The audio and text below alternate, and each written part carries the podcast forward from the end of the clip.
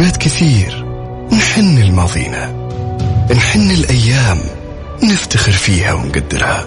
مع كل نجاح حققته شخصية من شخصيات عالمنا العربي والإسلامي.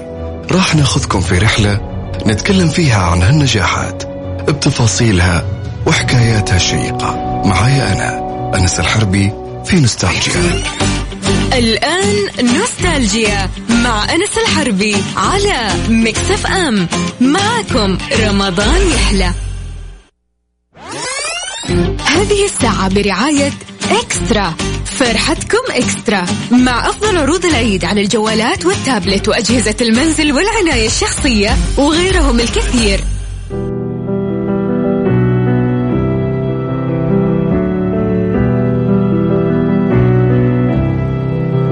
يسعد مساكم وأهلا وسهلا فيكم في حلقة جديدة من برنامج نوستالجيا. اليوم شخصيتنا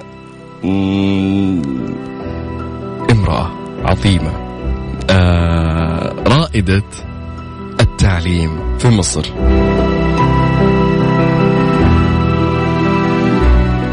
نوستالجيا يا جماعة كالعادة آه نروي قصص للي يسمعنا أول مرة. عن شخصيات حفرت اسمها في التاريخ عربية مسلمة عظيمة سواء شخصيات قديمة جدا ما قبل ألف سنة ألف وخمسمائة سنة آه، أو معاصرة. يعني حفرت اسمها في التاريخ وذهبت عن هذا العالم لكن اسمها باقي إلى يومنا هذا. ونروي لكم ونقول إيش الإنجازات. دائما النوستالجيا هو مصطلح بمعنى الحنين إلى الماضي. كلنا نحن للماضي وكلنا يعني بدون الماضي هذا ما لنا مستقبل ولا حاضر ولا نسوة أبدا يعني. فنروح لقصتنا لليوم. قصتنا اليوم عن شخصية تعتبر من رواد تعليم المرأة في مصر. اليوم عندنا نبوية موسى محمد بدوية. ولدت شخصيتنا لليوم اللي هي نبوية 20 ربيع الأول 1304 للهجرة. يعني تقريبا قبل 138 سنة من الآن. بكفر الحكماء بالزقازيق في محافظة الشرقية بمصر وكان والدها ضابط بالجيش المصري. أبوها سافر إلى السودان قبل مولدها بشهرين ولم يعد أبدا. نشأت نبوية يتيمة ثم عاشت في القاهرة مع شقيقها محمد اللي أصبح فيما بعد وكيلا للنيابة في مدينة الفيوم.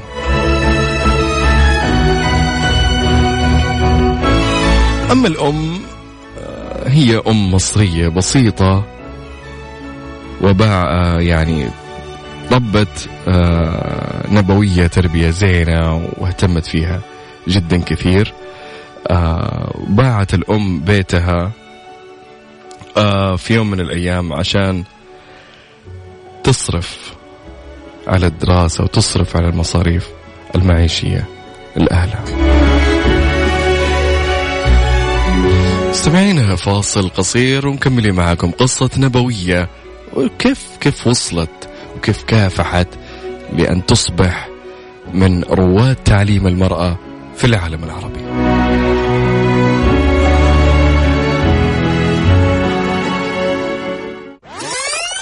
هذه الساعة برعاية إكسترا. فرحتكم إكسترا. مع أفضل عروض العيد على الجوالات والتابلت وأجهزة المنزل والعناية الشخصية وغيرهم الكثير.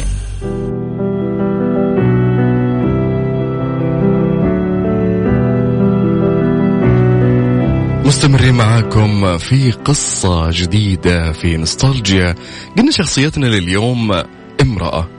كانت من رواد تعليم المرأة في مصر اسمها نبوية موسى محمد بدوية. قلنا إنها ولدت في كفر الحكمة بالزقازيق محافظة الشرقية في مصر وأبوها كان ضابط وراح للسودان وما عاد رجع آه، وعاشت أو نشأت يتيمة. مع أخوها وأمها أخوها محمد اللي قلنا أصبح فيما بعد وكيلا للنيابة في مدينة الفيوم بمصر. أما أمها قلنا هي أم مصرية بسيطة آه عاشت عشان بنتها وعشان أولادها. ففي يوم من الأيام اضطرت أمها أنها تبيع البيت عشان تصرف عليهم بشكل أفضل. آه وكان سبب آخر أنه نبوية كانت مريضة في ذاك الوقت فما كان معهم المال الكافي عشان مصاريف العلاج فباعت منزلها.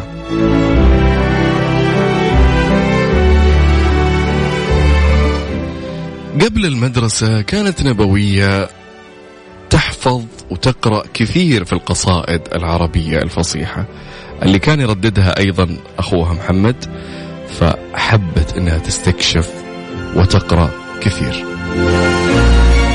بعد مدة من الوقت بدأت تعلم نفسها مبادئ الحساب والرياضيات وغيرها وبعدها بفترة بسيطة أيضا راحت لأخوها عشان يعلمها أكثر في اللغة الإنجليزية.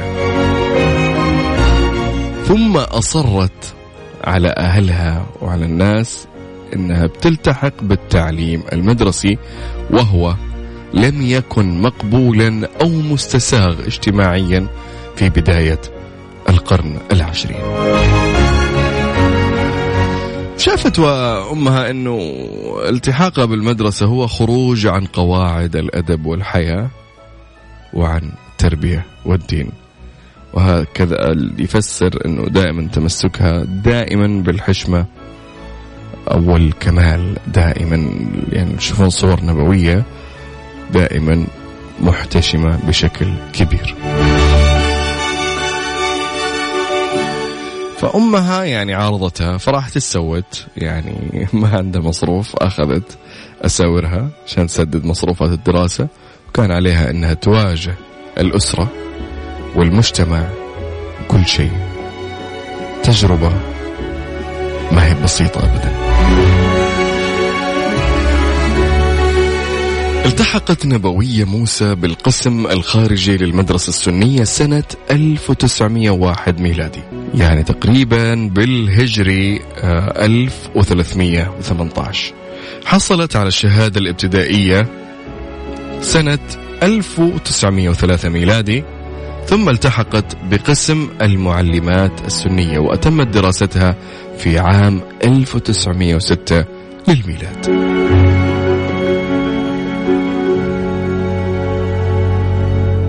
وعينت مدرسة آه وعينت مدرسة بمدرسة عباس الابتدائية للبنات بالقاهرة تقدمت نبوية موسى للحصول على شهادة الثانوية العامة في أول سابقة من نوعها لامرأة ونجحت في الامتحان. حصلت على الشهادة سنة 1907 وكان هذا النجاح يعني سبب ضجة كبيرة في العالم العربي. ونالت نبوية موسى بسبب هالنجاح شهرة واسعة جدا. يعني جاتهم قالت أنا امرأة أنا إنسانة أقدر أتعلم أقدر أعطي أقدر أبدع أقدر أضيف للمجتمع. وفعلا كانت قد هالكلمة وكانت ترى لها دور كبير يا جماعة الخير في التعليم للامرأة في أيامنا هذه. هي كانت الأولى وأول شخصية ناضلت في آه تعليم المرأة. ذكروا الاسم زين نبوية موسى. بعد ما تخرجت نبوية بدأت تكتب المقالات الصحفية التي تتناول قضايا المرأة التعليمية والاجتماعية والأدبية. ألفت كتاب مدرسي بعنوان ثمرة الحياة في تعليم الفتاة. قررته نظارة المعارف للمطالعة العربية في مدارسها. يعني حطته نظارة المعارف يعني تقريبا زي وزارة المعارف آه وحطت هالكتاب في مدارسها.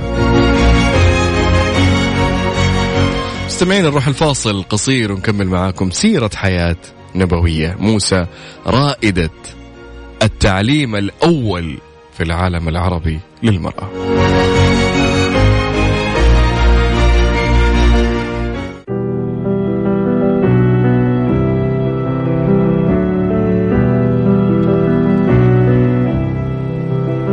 أهلا وسهلا فيكم من جديد في نوستالجيا. قلنا شخصيتنا لليوم هي نبوية موسى رائدة التعليم أو تعليم المرأة في العالم العربي. قلنا نبوية آه، كافحت عارضت أهلها عارضت المجتمع عارضت الناس كلها عشان تدخل في التعليم.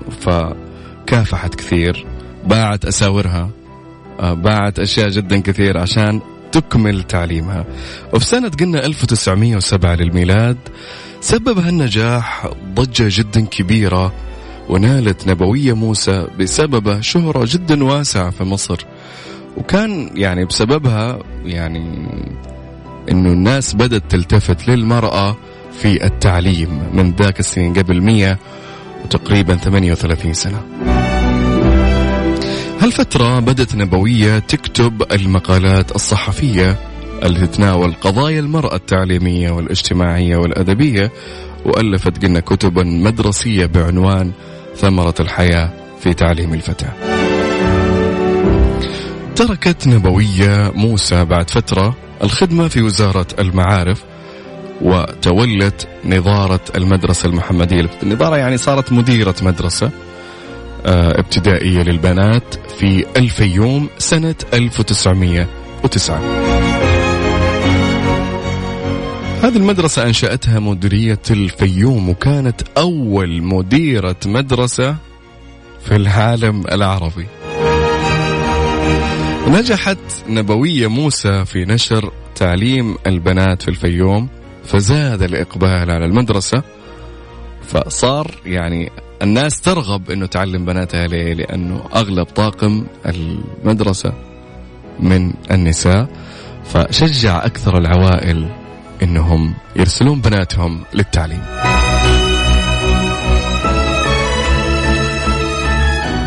يعني لولا الله ثم هالآدمية ما كان كان يعني ما كان في تعليم للمرأة الآن يعني شوف شخص واحد أثر في تاريخ يعني مئة سنة في تاريخ كبير جدا كافحت أثبتت أنها جديرة بالثقة.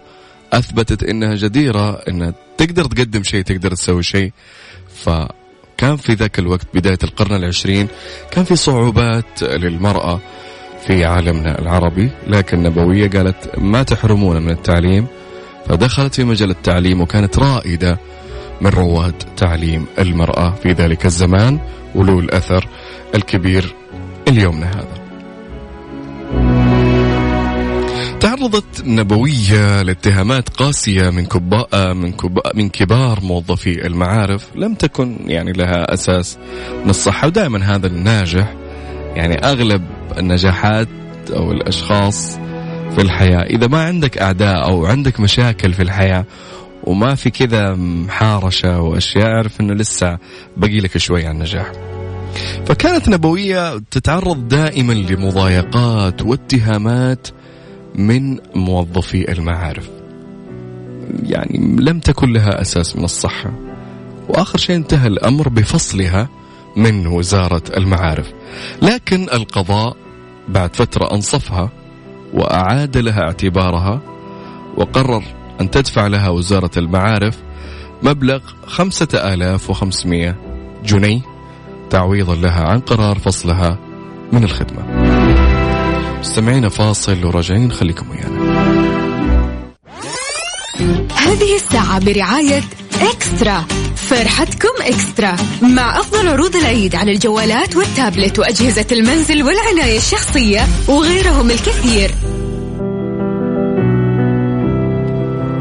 أهلا وسهلا فيكم. قلنا اليوم قصتنا عن نبوية موسى الأولى في كل ما يخص التعليم. قلنا أنها رائدة تعليم الفتيات في مصر. كان التعليم بمثابة قضية عمرها اللي كافحت في سبيلها على مدى مراحل كثيرة في حياتها المختلفة من تلميذة معلمة ناظرة وامرأة عربية مصرية. كانت ترى في التعليم طريق إلى تحقيق المساواة بين الجنسين والسبيل نحو, آه، نحو نهضة المرأة المصرية. هي أول فتاة مصرية تحصل على شهادة البكالوريا اللي هي كانت تسمى البكالوريا اللي هي الثانوية العامة عام 1907 وأول امرأة تعمل معلمة للغة العربية. وأول ناظرة مصرية ولعلها أول امرأة مصرية تتخذ من تعليم الفتيات قضية وطنية. تقول نبوية موسى في تقديمها لسيرتها الذاتية اللي جاءت تحت عنوان تاريخي بقلمي. أنشأت مجلة الفتاة في أكتوبر سنة 1937 وأخذت أكتب فيها بعضا من ذكرياتي. فأقبل الناس عليها وطلب مني كثيرون أن أدونها في كتاب. وتلبية لهذا الطلب قمت بسرد ذكرياتي حسب تاريخ حدوثها في حياتي. فكتبت تاريخا مفصلا لما تكبدت لما تكبدته أنا من مشاق وما شعرت به أحيانا من غضب. إن كان ذلك في تاريخ في التاريخ معنى للغضب. وهو تحليل نفسي لفتاة قضت عمرها في جهاد مستمر وهي نفسها لا تعرف إلى الآن أكان سبب هذا النضال. خطأ صدر منها أو هو خطأ. المقادير لهذا تقول أروي تاريخي بالتفصيل واترك للقارئ بعد هذا الحكم لي أو علي. وسأتحرى الصدق فيما أكتبه ليبني القارئ رأيه على حقيقة واضحة لديه نبوية موسى. تقص مو نبوية موسى في مذكراتها قلنا ذكرنا في بداية الحلقة كيف كيف عانت في حياتها إنه أبوها توفى سافر إلى السودان وكان ضابط في الجيش وسافر إلى السودان توفي فنشأت يتيمة في ظل أخوها وأمها. كيف إنه أهلها عرضوها المجتمع من هنوة التعليم تخيل أنت شخص مجتمع كامل ضدك مجتمع كامل ما هو حي مجتمع كامل ضد اللي أنت قاعد تسويه. جدا صعبة جدا جدا صعبة. كانت المساواة دائما شعار نبوية موسى. فلم تكن تقبل بالفتات أو ما كتبته الأقدار لها. فعند تعيينها معلمة بعد تخرجها ساءها إنها تأخذ نصف راتب الرجل وقالت لقد كنت أدرس كما يدرس الرجل ولم يكن آه، هنالك مدارس ثانوية كثيرة فكنا جميعا ندرس للمدارس الابتدائية فلماذا هذا التمييز في الوزارة عني؟ لا بجنيه ولا بجنيهين بل بضعف راتبي.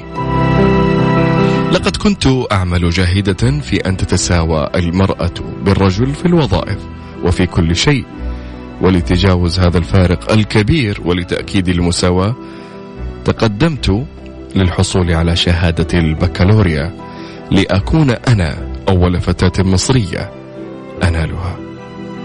وكان حدث زي ما قلنا عظيم جدا.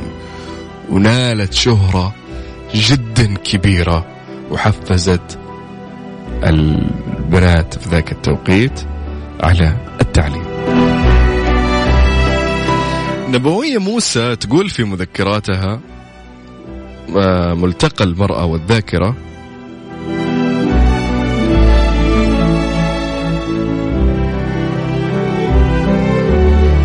إنه في يوم من الأيام 1919 أعلنت المدارس الإضراب عن الدراسة. لكن نبوية موسى في ذلك الوقت كانت ترى أنه التعليم هو أعظم تعبير عن العمل الوطني. عشان كذا اجتمعت بالمعلمين والمعلمات وقنعتهم بوجهة نظرها أنه لازم مهم التعليم وقالت في مذكراتها فاجتمعت بالمعلمين والمعلمات وقلت لهم لست ممن يعتقدون أن الإضراب في المدارس مما يفيد البلاد فأنا أعلم أن البلاد في حاجة شديدة إلى التعليم وأن المعلمين يجب أن يكونوا بعيدين عن الحركات الوطنية التي يقومون بها فالتعليم هو تثقيف الأمة في زمن انتشر فيه الجهل.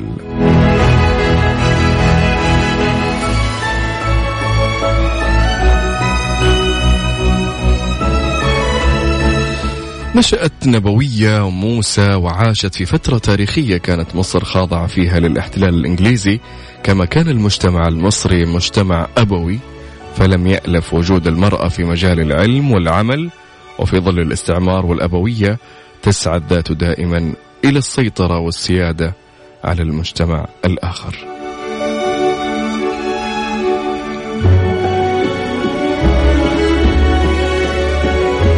نبوية كانت مكافحة جدا جدا يعني. أنا قاعد أتخيل يا جماعة الخير قاعد أتخيل يعني. قاعد أقول مثلا شخص حط نفسك مكان هالشخصية. ترى جدا قوية شخصية جدا قوية.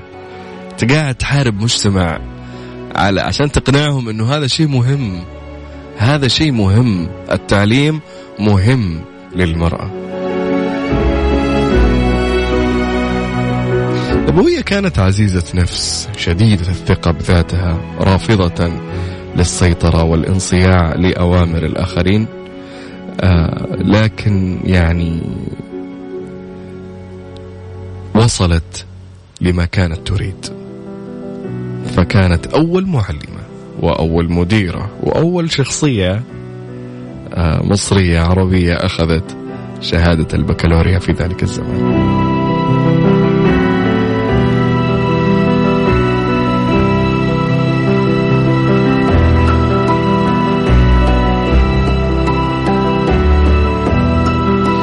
ولعل أن تربيتها مع أمها وأخيها كان لها أثر كبير. كان أخوها يا جماعة الخير شوف الأخ آه، والأب والأم ترى لهم أثر كبير في تربية الأبناء.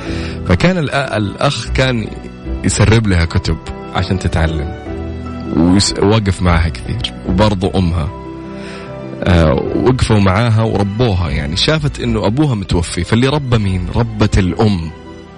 فقالت دامت الأم هي اللي مربية عظيمة وكبيرة وكافحت من أجلنا فضروري وجود المرأة في المجتمع. فكانت هذه شرارة انطلاقة نبوية. لكن وقت ما قالت أنا بروح المدرسة كلهم عرضوها حتى أهلها. قالوا طب أنت تعلمين أعلمك في البيت. لكن بتروحون كانوا متخوفين من المجتمع للأسف يعني بعض الناس وإلى الآن يعني عندنا في بعض الأشخاص عندهم عقدة كلام الناس وش بيقولون عن الناس أو إيش بيصير إذا سويت مثلا عكس آه ما يريد المجتمع ولو بالحلال ولو بأنه شيء مفيد. لكن إذا في بعض المعتقدات في المجتمع كانت مخالفة للي أنت تسويه ولو اللي تسويه ما في شيء أو ما يمنع لكن نظرة المجتمع بعض المجتمعات إلى الآن تخاف من هالنظرة أو من هالكلام.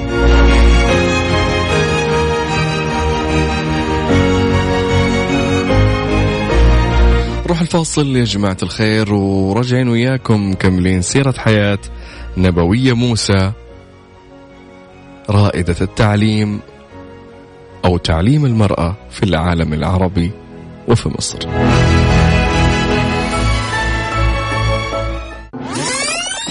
هذه الساعة برعاية إكسترا. فرحتكم إكسترا. مع أفضل عروض العيد على الجوالات والتابلت وأجهزة المنزل والعناية الشخصية وغيرهم الكثير.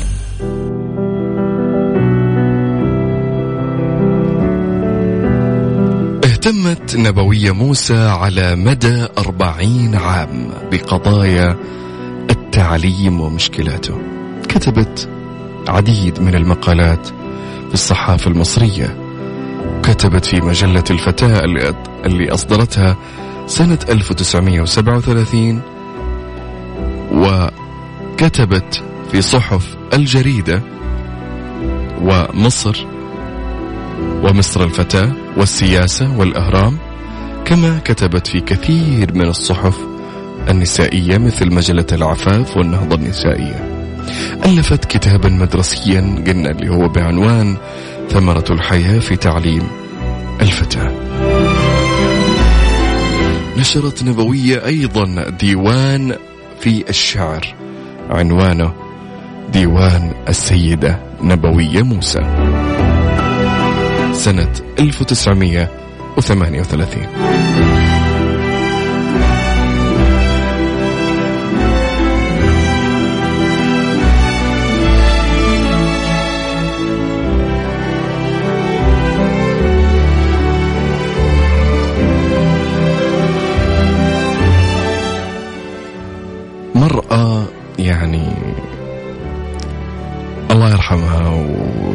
جميع المسلمين سوت أشياء جدا كبيرة جدا كبيرة. يعني أنا قاعد أحاول إني آخذ أكثر قدر مستطاع من سيرتها لكن يبي لنا والله يا جماعة كثير حلقات عشان نوفي يعني هالشخصية العظيمة. شخصيات كثير في حلقة في عالمنا يحتاج لها آه، كذا جوانب. يعني مثلا حلقة نمسك فيها كذا وحلقة نمسك فيها كذا وحلقة عشان ناخذ الشخصية بالتفصيل وش صار معها كيف صارت كذا إيش العوامل النفسية اللي خلتها تسوي كذا إيش المواقف اللي في حياتها اللي خلتها تصل إنها تحفر اسمها في التاريخ.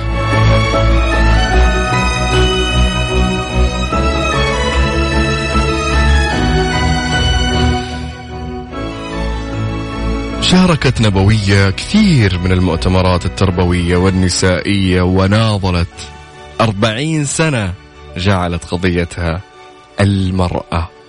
أربعين سنة إلين أثبتت أنه جدا مهم تعليم الفتيات جدا مهم المساواة بين الفتاة والرجل في كذا مجال في التعليم والعمل وغيرها من المجالات. إلين على قولهم حققت هذا الشيء.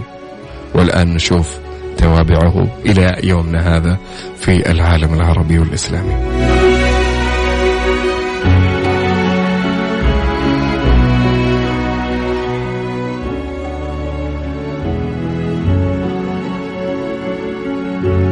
نبوية يا جماعة ألفت آه، أشياء كثير ألفت حاجات كثير جدا.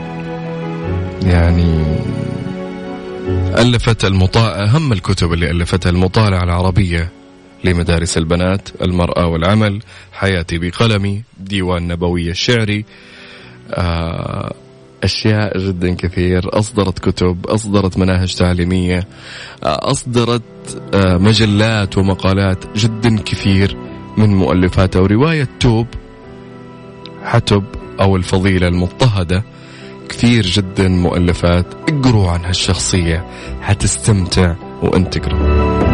جوائز حصلت عليها نبوية حصلت على وسام النيل من الملك فؤاد فكانت أول امرأة موظفة في مصر تحصل على هذا الوسام. توفيت نبوية رحمة الله عليها في 30 إبريل سنة 1951 تركت سجل حافل بالإنجازات. تاريخ جدا عظيم تركت إرث كبير جدا واستحقت عن, عن جدارة لقب رائدة تعليم الفتيات في العالم العربي ومصر. كانت نموذج فريد جدا لإرادة الفتاة المصرية القادرة على تجاوز واقع كان مختلف كان سيء وكان ظالم للمرأة في ذلك الزمان. يعطيكم العافية يا جماعة. كنت معكم أنا أخوكم أنس الحربي. آه كانت قصة جدا جميلة. استمتعت فيها جدا. نشوفكم إن شاء الله بكرة آه في نفس التوقيت آه من الساعة واحدة إلى ثنتين بإذن الله.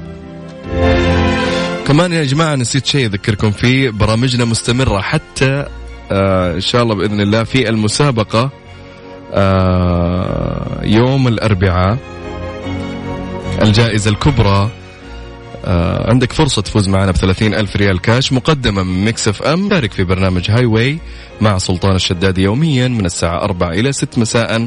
وادخل السحب على جائزة Mix FM الكبرى 30 ألف ريال مقدمة آه كاش آه يوم السحب. إن شاء الله يوم الأربعاء يوم 30 رمضان ضمن Highway الساعة خمسة ونص مساء. لا تنسون الكل يشارك وبالتوفيق للجميع.